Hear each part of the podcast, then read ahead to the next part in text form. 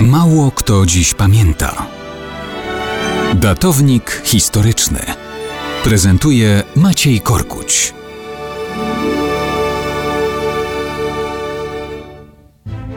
Mało kto dziś pamięta, że 26 marca 1687 roku narodziło się dziecię w rodzinie elektora Hanoweru Georga Ludwiga i Zofii Doroty von Selle.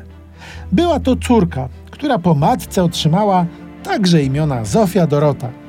Do historii więc przeszły obie jako Zofia Dorota starsza i Zofia Dorota młodsza.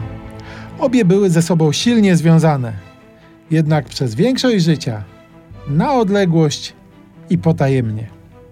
Po raz ostatni Zofia Dorota młodsza, późniejsza królowa Prus, matkę mogła zobaczyć, kiedy była siedmioletnią dziewczynką.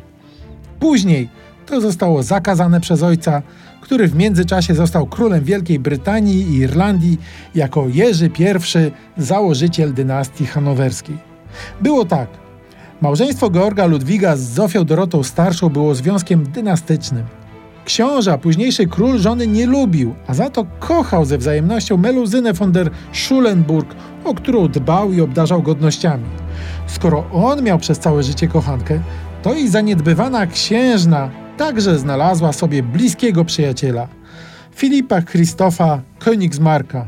Romans był płomienny. Kiedy wszystko wyszło na światło dzienne, zrobił się skandal dynastyczny na salonach całej Europy. Było o tym głośno, plotki podawano z ust do ust. Jemu więc wolno, a jej? No, co to, to nie. Ale tak naprawdę żartów nie było. Zofia Dorota Starsza została już w 1694 roku faktycznie uwięziona na zamku Achlden. Przeprowadzono rozwód. Zabroniono jej raz na zawsze kontaktu z siedmioletnią córką i jej bratem. Zofia Dorota więc nigdy więcej swoich dzieci nie zobaczyła.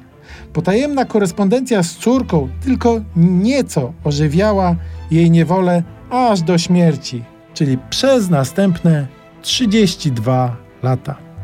I nie miało to nic wspólnego z bajkowymi opowieściami o żywotach szczęśliwych księżniczek i jeszcze szczęśliwszych królowych.